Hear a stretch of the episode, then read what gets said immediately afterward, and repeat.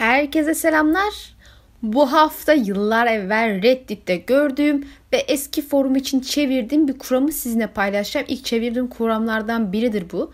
Maalesef metnin İngilizce aslında aramama rağmen bulamadım.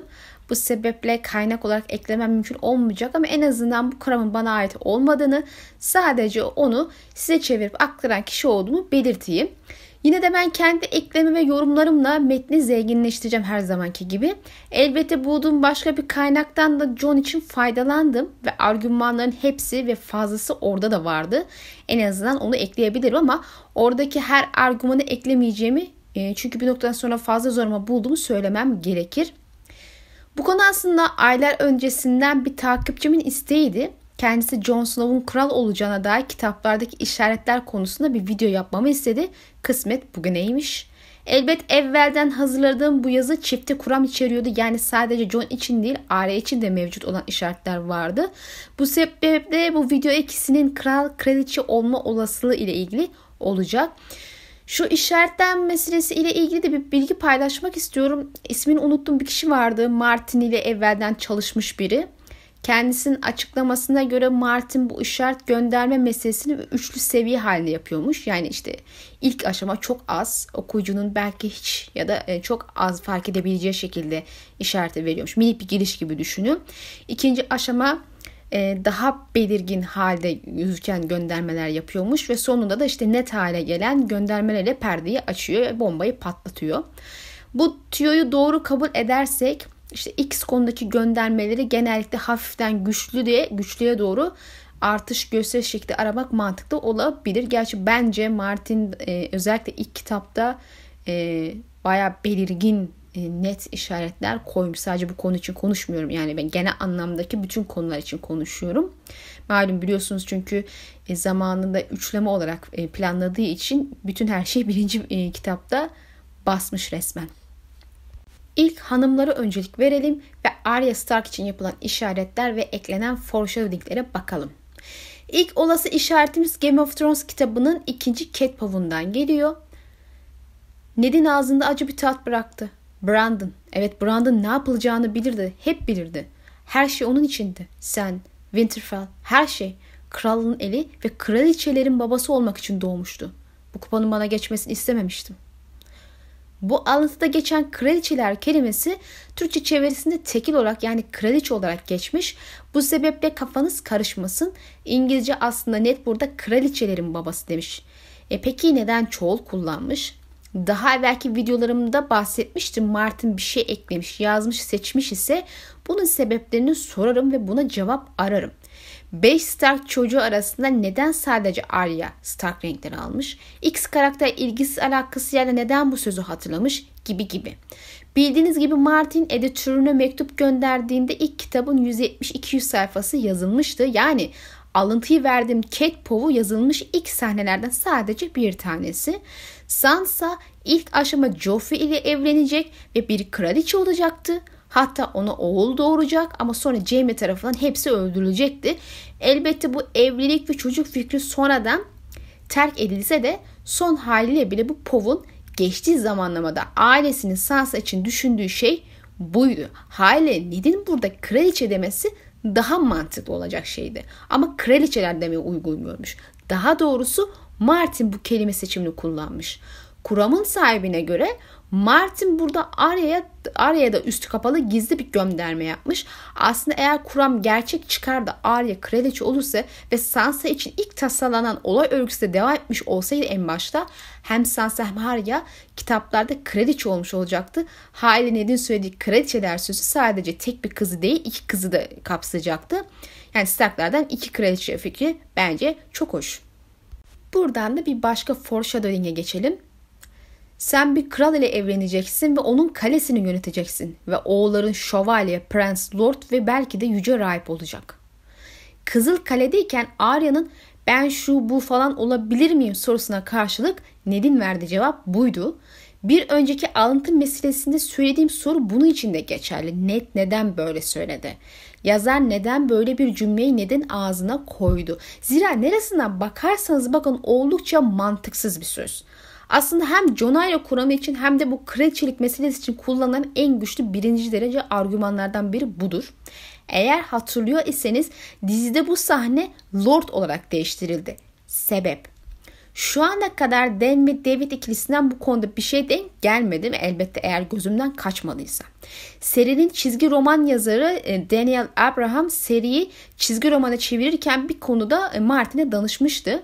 Hatırladığım kadarıyla kendisi o dönemler ayrıca Martin'in komşusuydu. Daniel Abraham ya da işte olayı aktaranlardan biri olan Linda hangi cümle olduğunu söylemeseler de bir cümleyi dizideki sahneye göre yazdığını ama Martin'in bu repliği tut çünkü bu replik seri sonunda olacaklar için önemli dediğini açıklayarak aslında bir foreshadowing olduğunu söylemişti. Martin'in yaverlerinden Linda zamanda seri üçleme olarak tasarlandığında ilk kitabın sonda olacaklar için güzel işaretler barındırdığını söylemişti zaten. İşte mesela en son sahne ilk kitapta orada yakın, yankılanacak bir şey var diyor. Martin de zaten dediğim gibi daha evvel de ilk kitapta çok foreshadowing bırakmaktan dert yanmıştı. Elbette bazı okuyucular Abraham'ın bahsinde geçen cümlenin bu kral lord cümlesi olduğunu düşündü. Zira o dönem kayda der değiştirmiş tek cümle buydu. Ben de diğer okuyuculara katılıyorum. Elbette dizicinin foreshadowing veya göndermelerin hatta karakter gelişiminin pek bir önemi olmasa da bu değişim yerini aldı. Haliyle bu alıntı güçlendirilmiş bir foreshadowing olarak öne çıkartılıyor. Şimdi hikayeye bakarsak diyarda tek kral Robert Baratheon ve onun varisi sonraki kral ise Joffrey Baratheon. E, o da Sansa Stark ile nişanlı. Yani en başından beri bir kral ile evlenmesini beklemiş tek kişi Sansa çünkü tek bir kral var. Ve sonra yeni bir kral Joffrey. E, haliyle Arya Stark nasıl olur da bir kral ile evlenip kraliçe olur? Mantıken olamaz. imkansız bu. E Ned'in ikidir söylediği bu kraliçe vurgusu çok anlamsız kaçtığı gibi hikaye içinde de tutarsız ve çelişkili gözüküyor. Yani ben Ned'in konumunda olsam kızım seni soylu bir lord ile evlendireceğim diye başlayan bir cümle kurardım. E, Joffrey nişanından vazgeçtiğinde e, Ned'in Sansa'ya açıkça söylediği şey buydu. Seni soylu bir lord ile evlendireceğim dedi Sansa'ya. E, bu durumda burada geçen kral kelimesi Arya'nın ileride bir kral ile evleneceğine dair işaret kabul ediliyor. E, kurdun ismin savaşçı kraliçe Naimere olduğu düşünülürse e, bu durumu destekleyen bir şey. E, bildiğiniz gibi kurtların isimleri sahiplerinin kaderleri hakkında bir foreshadowing içeriyor ki e, bu konuda zaten bir video yapmıştım. Gelelim bir sonraki alıntıya. Kız John'un küçük kardeşini hatırlatan bir edayla gülümsedi. John'un kalbi sızladı. Bırak da o benden korksun. Ailesinin yanaklarında kar taneleri eriyordu ama saçları satenin bir yerlerden bulduğu dantelle sarılmıştı. Kar dantelin üstünde birikiyor ve kıza buzlu bir taç hediye ediyordu. Alice'in yanakları kızarmıştı. Gözleri parlıyordu. Beşinci kitapta John'un bir ar hikayesi var biliyorsunuz zaten. Alice Karstark sura sığındığı zaman John onun Arya olmasını umar, umarak gelmişti ve bir saniye kadar onu Arya gibi de görmüştü. Ama gelen o değildi. Daha sonra evliliği gerçekleştirirken verdiğim alıntıda olduğu gibi Alice tekrar John'a Arya gibi görünüyor ve başında buzdan bir taç oluşuyor. Bu da benzetme sanatıyla dolaylı bir gönderme gibi kabul ediliyor. Ortada bir düğün vardır ve Alice John'un gözünde başında buzdan tacı olan Arya gibi görünür ve kendisi zaten John'un koluna girmiştir. E, buzdan taç buz tarafını temsil eden Arya Stark ve Stark hanesi için en iyi mecaz aslında ve taç e, bildiğiniz gibi kraliçenin takacağı bir şeydir. Jon'un kendisi de zaten kral olduğu ya da olacağı için bunun bir gönderme olabileceği düşünülmekte. Şimdi aynı niteliğe sahip başka bir alıntı da Brienne'nin dördüncü kitaptaki macerasından geliyor. Bütün emirleri Willow veriyordu. O bir kalenin kraliçesiymiş ve diğer çocuklar da onun hizmetçileriymiş gibi. Sanki soylu bir kız. Emretmek ona, ona itaat etmek de diğerlerine doğal geliyor. Brienne, Willow'un görününden fazla olup olmayacağını merak etti. Kız Sansa Stark olamayacak kadar küçük ve sadeydi ama Sansa'nın kardeşi olabilecek yaştaydı. Brienne Sansa'yı ararken girdiği yol ağzındaki handa Willow, Gendry ve diğer öksüz çocukları buluyor ve Willow'un yaşça küçük olmasına rağmen herkese bir kalenin kraliçesiymiş gibi emirler yağdırıyor. ve kendini daha kendi dair herkesin onu itaat ettiğinde görünce de kızın Arya Stark olabileceğinden şüphe ediyor. Söylediğim gibi gene bir benzetme sanatıyla dolaylı bir gönderme yapılmış olduğu düşünülüyor burada. Bilhassa ikinci alıntıda Ned'in Arya'ya söylediği kral ile evlenip kalesini yöneteceksin sözünü Brienne neden bir kalenin kraliçesiymiş gibi diye görünce biraz düşündürüyor. Son olarak da Arya'nın ve kraliçe Alicent Targaryen'ın paralel karakterler olduğu öne sürülüyor. İkisinin görünen gerçekten de birçok noktası var. İki kadın karakter de kalıplara sığmayan özgür ruhlar. Sıradan halk, halk ile sıkı fıkı oluyorlar. Feminist portreler çiziyorlar ki Arya'nın yazarın geçmiş yıllarda tanıdığı feminist kadınlardan ilham alındığı zaten bilinen bir şey. Ayrıca iki karakter de at binip silah kullanıyor. İkisi de oldukça zeki ve İngilizce pretty olarak tabir edilen güzel kelimesiyle betimleniyorlar. Bu da bir Cersei ayranında güzellikten bahsetmediğimizi anlatıyor. İkisi de ablalarının gölgesinde çok dikkat çekmeden büyümüşlerdir. İkisi de onunla tanışanlar üstüne güçlü bir etki bırakır. Alicent 12 yaşındayken abisi Jaehaerys kral oldu. Arya bir sonraki kitapta 12 yaşına girecek ve Jon'un da Kuzey Kralı olmasını bekliyoruz o dönemlerde. Arya'nın da Alicent'in ablası da geçmişte kötü bir nişan evlilik tecrübesi yaşadı hatta birden fazla. Bir de doğrudan bağlantılı değil belki ama Alicent demişken bahsetmek istedim. Bildiğiniz üzere Martin'in en sevdiği Targaryen Daemon Targaryen'dır ve onun annesi olarak seçtiği Alicent Targaryen ise tam anlamıyla Arya Lyanna karışımı bir kadın. Ateş ve Kanı okursanız eğer e, kafanızda iki karakter birleşir. Hatta bence ucundan bir de Tyrion eklemesi yapmış. Biliyorsunuz ikisinde göz renkleri birbirinden farklıydı. Yani yazar en sevdiği Targaryen'ın annesini en sevdiği iki karakter olan Arya ve Tyrion'dan parçalarla donatmış. Bence hoş bir ayrıntı olmuş. Genel olarak toparlar isek Arya Stark'ın evlilik ile bir kralın eşi olarak kraliçe olacağına dair işaretler gördük. Elbette ki kitaplar bitip hikaye sonlanmadığı sürece bu kuramın doğru mu yoksa yanlış bir tahmin mi olduğunu kesin olarak bilemeyiz. Şimdi buradan da benim bebeğim Jon Snow'a geçeceğiz. İşaretlere geçmeden evvel karakter hikayelerin yazımı ile ilgili bir konu üstüne geçmek istiyorum. Bazılarınız da bildiği gibi bir karakterin gelişim için ilk önce yazarın o karaktere bir vazife, rol vermesi gerekir. Ona bir anlam yüklemesi gerekir.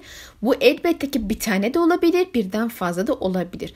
Bir adet öne çıkan, göze çarpan bir rolü varken arka planda da ona biçilmiş başka bir vazife olabilir. Bunu yaptıktan sonra da karakterin tüm hikayesi bu vazifeler, roller, anlam üzerinde şekillenmeye başlar. Yaşadığı ve yaşayacağı her şey bu merkez çerçevesinde gelişim sergiler. Yani bir karaktere kral kraliçe anlamı yüklersiniz o zaman o hikaye de bununla ilgili bir gelişim sergileyecektir. Karakter bu şekilde gelişecektir. Örneğin Daenerys Targaryen ve Stannis Baratheon. Elbette hikaye bu şekilde gelişiyor diye o kişiler hikaye sonunda illaki tahta oturacak manasına gelmez. O başka bir konu ama netice itibariyle etrafındaki olayların en azından bir kısmı tat ile ilgili olur. Karakterlere yüklenen anlam rol başka bir şey ise mesela işte yeşil görenlik ise o zaman da bununla ilgili olaylar cereyan eder. İkisi ise o zaman ikisiyle ilgili bir şeyler olur. Anlatabildim sanırım. Jon Snow'a baktığımızda bir liderlik ve ara buluculuk hikayesi gözümüze çarpıyor ama ayrıca arka planda da bir kral olma rolü yavaştan işleniyor.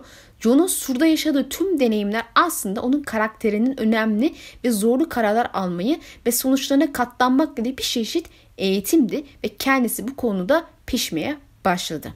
Elbette sadece iyi kararlardan bahsetmiyoruz. Ayrıca kötü kararlar da bu sürecin parçasıdır. Her biri deneyim. Zeki bir insan hatalarından daha çok şey öğrenir ve John'un aslında küçük bir çapta liderlik meselesi nasıl olduğu ile ilgili ne tür sorunlarla karşılaşacağı ile ilgili bir eğitimden geçip tecrübe edilmesi gerekiyordu. Sur'dayken savaşı ve savaşçı düşmanla barış yapmayı öğrendi.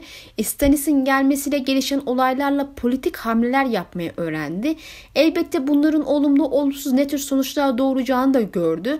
Ve bunlar bir kralın da kraliçenin de karşılaşacağı şeylerden sadece bir iki tanesi. Diğerleri nedir? İşte basit e, kıtlık tehlikesi gibi imkansız görünen konularla yüzleşmek ki Westeros'a kıtlık geliyor bunu biliyoruz.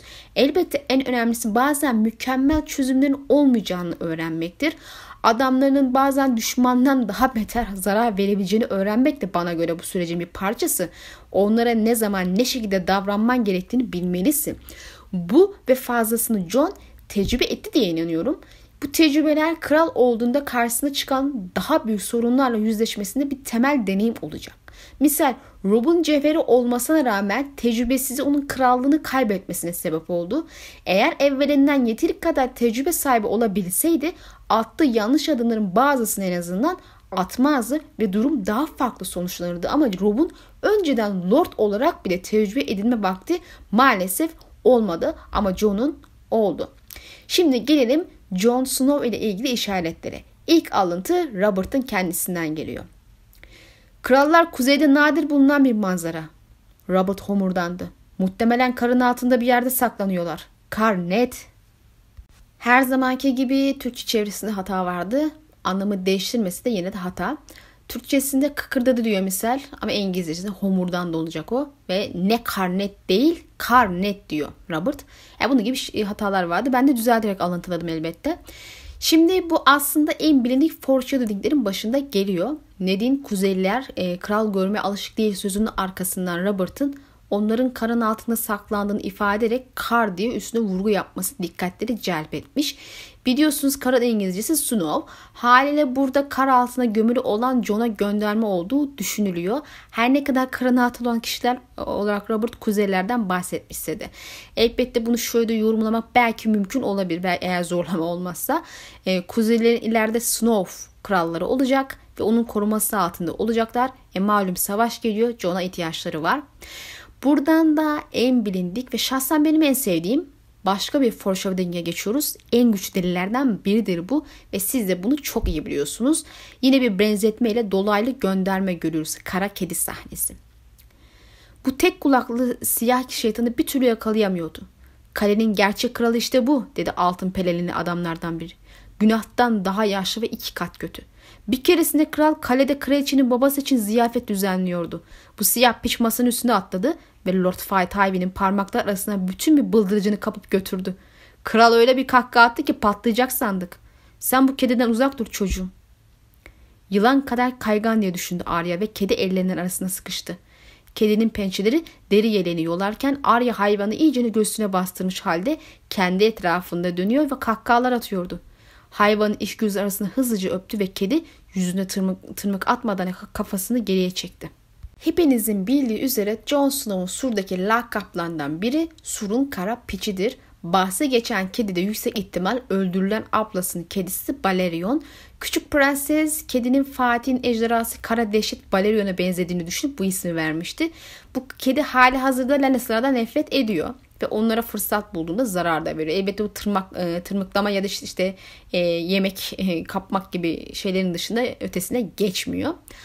E, aklıma gelmişken bir keresinde Tom'unu tırmalamıştı. Biliyorsunuz ben Tom'un kedi tırmığın bahanesiyle zehirleneceğini düşünüyorum Tayaneset tarafından. Belki de bu kedi kullanır bunun için. Manidar olurdu. Ben olsam balerini kullanırdım. Neyse bu konuyu dağıtmayayım fazla. Karapiç Kızıl Kale'nin hakiki kralıdır. Yani bu kişi Jon Snow'un kendisidir. Bu da aslında dolaylı yoldan mevcut hanedanın taht üzerinde hakkı olmadığını gösteriyor gibi sanki. En azından Martin'in gözünde. Emin değilim. Sadece bir yorum. Biliyorsunuz e, hatta Bravos'ta aile gene bu kediyi falan hatırlıyordu. Bununla ilgili bir yorumum vardı. Bu durumu birazcık pekiştiren bir şey. Yani kedi ve kedinin Jon'u temsil ettiğiyle ilgili. Aile Bravos'tayken kedilerle bayağı bir haşır neşir olmaya devam ediyor. Bunların arasında işte en çok kesik kulaklı yaş bir erkek kediyi seviyordu. Ve bu kedinin ona kral topraklarında gördüğü kediyi hatırlattığını söylüyor. Yani hepimizin mutabık olduğu Rhaegar'ın kızının kedisi Balerion olduğunu düşündüğümüz kediden bahsediyor. Karapiç. Neden bu kediyi daha çok seviyordu? Çünkü Jon Snow'u temsil ediyor bu kedi. John da ailesinde en, en sevdiği kişi Arya'nın John'un en sevdiği kişinin Arya olması gibi. Doğal olarak kara kedi figürünün Arya çevresinde dolanması doğaldı ve kasıtlı bir tercihtir bence. Aksi halde kedinin kendisinin çok da bir önemi var, manası yok var diyemem Arya için. Bir sonraki güçlü argümanlardan biri içinde 5. kitaba geçiyoruz. Mormont'un kuzgunu odanın üzerinden süzülürken karanlıktan kalktı ve giyindi. Kuş Mısır dedi ve kral ve Snow. Jon Snow, Jon Snow dedi. Bu garipti. Kuş daha önce Jon'un hatırladığı kadarıyla tam ismi hiç söylememişti. Kuzgunun en iyi ihtimalle Bloodrav'ın en kötü ihtimalle olan bitenlere vakıf başka bir yeşil gören tarafından worklandığını tahmin ediyoruz. haliyle. Bu kuşun ağzından çıkan bir şey olduğu zaman biraz dikkat kesilmekte fayda olur. Bilmemiz gereken bir şey söyleyebilir. Unutmamak gerekir ki kuşun kazandan çıkıp John'un yanına konması ve ismini söyleyerek kazan kazan demesi onun Lord Kumandan seçilmesine neden olmuştu. John burada durup kuşun daha evvel hiç onun tam ismini söylemediğini ifade ediyor. Öncesinde hep Snow deyip duruyordu. Hatta sonrasında öyle de, de, devam ediyor. Ama John'un dikkatinden kaçan asıl şey ise kuşun ona kral demesiydi. Yani kral Jon Snow diye hitap ediyor. E bu da bize yeşil görenimizin Jon'un ileride kral olacağını bildiğini ve yazarın bu durumu kuş aracılığı ile bize haber ettiğini gösteriyor. Aslında John bu kral kelimesini daha evvelden de ikinci kitabın başında Mormont'un yanındayken duymuştu. Ve Jaime Lannister ejderha krallarının sonu getirdi. Kral dedi kuzgun. Uçup Mormont'un omuzuna kondu. Tekrar kral diye bağırdı kafasını ileri geri oynatırken. Bu kelimeyi seviyor dedi John gülümseyerek. Söylemesi kolay bir kelime. Sevmesi de kolay. Bence sizin taç giymeniz gerektiğini düşünüyor lordum. Mormont kuzunun gagasının altını parmağıyla okşadı ama bu süre boyunca gözleri Jon Snow'dan hiç ayrılmadı. Bu onu tuhaf hissettirdi. Gördüğünüz gibi John burada hiç üstüne alınmıyor ve şakayla karışık kuzgunun Mormont'un kral olması gerektiğini düşündüğünü söylüyor. Ama eğer bu bir gönderme ise ki aşikar ki burada kastettiği kişi kral, Jon'un kendisi kuzgunun Jaime ejderha krallarının sonu getirdiği cümlesinden sonra kral diyerek uçup gelmesi zaten dikkat çekici bir taraf. Belki de sonu gelmedi hala var işte kral Jon Snow diyordur bu şekilde. E zaten kral diyerek gözlerini Jon'un üstüne tutup hiç ayırmaması kuzgunun bu dediğimizi güçlendiren bir durum. Aynı kitaptan devam ediyoruz ve bu sefer Craster'ın evine Gilly ile buluşuyoruz. Babam dün gece karga lordun şarabından fazla içti. Günün çoğunluğunda uyuyacaktır. Söylediklerine göre kral adalet verir zayıfları korurmuş. Kadın kayayı tırmanmaya başladı ama buz kaygandı ve kaydı. John düşmeden önce onu yakaladı ve güvenli bir şekilde inmesine yardım etti. Kadın buzu zemine diz çöktü. Lordum size yalvarıyorum. John kadını ayağa kaldırdı. Benim için diz çökmene gerek yok. Bu sadece krallar içindir. Gilly kralların zayıfları koruyup yardım ettiğini duyduğunu söyleyip sanki John bir kralmış gibi önünde diz çöküp ondan yardım diliyor. Ve John kral olmadığını ifade edecek şekilde diz çökmene gerek yok bu krallar içindir diyor ama işin özünde John tahtın şimdiki varisidir. Gilly'nin kralın adalet anlayışından e, arayışından anlayışından bahsedip John önüne diz çökmesi ama mantıken John'un kral olmadığını bilmesine rağmen bu hareketi yapıp krallardan bahsetmesini bu doğrultuda yorumlayabiliriz belki. Buradan e, tekrar 5. kitaba Melisandre'ye geçiyoruz. Tarikatında kutsal alevler içinde yarı açığa çıkan ve yarı gizlenen sırları görme becerisine sahip ondan daha yetenekli hiç kimse yoktu. Ancak şimdi kralını bile bulamamıştı. Azar Aha'yı bir an için görebilmek için dua ediyorum ve rolu bana sadece Snow'u gösteriyor. E bunda bir işaret olduğu düşünülüyor. Melisande kral ve Azor Aha için dua ederken gördüğü kişi Jon'un kendisi. Kral görmek istiyorsun işte Melisandre ve gördüğü kral. Elbette bu cümle ayrıca Azor Aha'nın Jon olabileceğine dair gönderme e, olarak da yorumlanabilir ama bu konudaki fikrimi zaten biliyorsunuz. Şimdi son kitabın açılış pavuğunda Varamin sözlerine kulak kesilelim. Jon'un yanında beyaz ulu kurduyla gördüğü anda onun ne olduğunu biliyordu. Bir Vork her zaman bir diğerini tanırdı. Mens kurdunu almama izin vermeliydi. Bir krala layık ikinci bir hayat olurdu. Varamir kral falan değil elbette. O kendini en fazla lordumsu bir olarak tanınmıyordu. Ama Jon'un kurduğunun ikinci bir hayat için krallara layık olduğunu söylüyor. E bu iki yönlü bir gönderme olarak yorumlanabilir. Çünkü burada bahsedilen şey sadece Jon'un kral olması değil, ayrıca onun hayaletin içinde ikinci hayatında başlayacağı. Zaten Varamir Pov'un Pov'u baştan sonra bu mesele üzerine kurgulanmıştı. Farklı yollar bazen aynı kaleye çıkar. Bu söz John'un Arya'ya Arya söylediği bir sözde ilk kitapta genelde ikisinin farklı yollara yani maceralara başlayıp ama günün sonunda tekrar aynı yerde bir araya geleceği şeklinde yorumlanan bir foreshadowing'tir. Ama Arya'nın kral toprakları Kızılkale olan yolculuğu için Jon'a senin de bizimle gelmeni isterdim sözün ardından verdi bir, verdi bir cevapta geçen aynı kale sözü bazı okuyucular tarafından Jon'un eninde sonunda bu şehre kaleye yolunun düşeceği şeklinde yorumlanabiliyor. Bu belki bir kral olarak e, hakkını aramak içindir. Amaç ne olursa olsun Jon'un öyle veya böyle kral topraklarına gideceğini hep düşünmüşsündür zaten 7. kitapta. Yani hikaye kuzeyde başlayıp bitebilir belki ama Jon'un asla güneyi görmeyeceğini zannetmiyorum. E, bu oğlanın bir de Targaryen tarafı var ve bu konuda da yüzleşmesi gereken şeyler olmalı diye düşünmekteyim. Bununla birlikte kral kraliçe meselesi için hem Arya hem de Jon için olası ilham kaynaklarından da yararlanabiliriz. E daha evvelki Ted Williams'ın serisini anlattığım videoda Arya ve Jon'un temel çıkış noktasında Memory serisinden faydalanıldığını anlattım ve oradaki karakterlerin hikaye sonunda kral kraliçe olduğundan bahsettim. E bunun dışında Martin'in bir diğer ilham aldığı ve aşikar ki Ted'in temelinden ilham aldığı seri de Tolkien'in Yüzüklerin Efendisi'ydi. Oradaki Aragorn ve Jon arasında ilginç paralellik olduğunu rahatlıkla söyleyebilirim. Her şeyden evvel zaten epik fantastiklerdeki gizli saklı prens hikayeleri de bir noktadan Yüzüklerin Efendisi'ne dayanıyor bence. Aragorn da Jon da soylu. Krallara dayanan bir haneye mensup Kimlikleri düşmanlarından korunmaları için gizlenmiş veliaht prenslerdir. Hatta ikisinin soyu büyülü halklara dayanıyor. Aragorn'un elflere, Jon'un da Valeria'nın ejderha lordlarına. E, Targaryenyanları ilk gördüğümde güzellikle bana hep elfleri anımsatmıştı. Bu sebeple çok hoşuma gitmişti bu hane. Aragorn ailesi öldüğünde büyük büyük amcası Elrond tarafından büyütüldü onu oğlu gibi sevmişti ve 20 yaşına gelene kadar da Aragorn'dan kimliği, kimliği saklandı. E Jon da dayısı tarafından oğlu gibi sahiplenildi, sevildi ve kimliğini gizleyerek onu büyüttü. E bir noktada illaki Jon artık mirasını öğrenecek. Aragorn kuzeni olan Arwen'e aşık oldu ve evlendi. E Martin de Jon'un kuzeni Arya'ya aşık olmasını planlamıştı. Aragorn ve Jon'un görünüşlerinde benzerlik bile var. İkisinde saçı koyu ve gri gözlere sahipler. Ayrıca ikisinin de mekanı kuzeydir. Aragorn kuzey korucularındandır ve onlara liderlik eder. Jon aslında resmi olarak bir korucu olmadı hiç ama sur ötesine gidişiyle de e, korucuların arasına katılıp gizli vazife bile almıştı zaten biliyorsunuz ve kuzeydeki gece nöbetine liderlik ediyor. Hikaye sonunda Aragorn babasından gelen mirası kabul edip tahtına oturur ve sevdiceği ile evlenir. E Jon'un durumu Aragorn ve Simon'dan farklı mı olur? Şu ana kadarki gördüğümüz şeyler bize kral gönderme olarak görülüyor ve Jon'un zaten arka planda bir kral hikaye gelişimi de var. Rob bile onu meşrulaştırıp varisi ilan etmişti. Yani John hem anne hem de baba tarafından varis konumuna düştü ve 6. kitapta Kuzey Kralı olmasını bekliyoruz. Soru şu, hikaye bittiğinde Westeros'un kralı olarak da taç giyer mi? İlham alındığı karakterlere bakarsak aynı sonu onun içinde beklemek makul görünüyor ama yine de hikaye bitmeden kesin olarak bilmek bizim için tamamen mümkün gözükmemekte.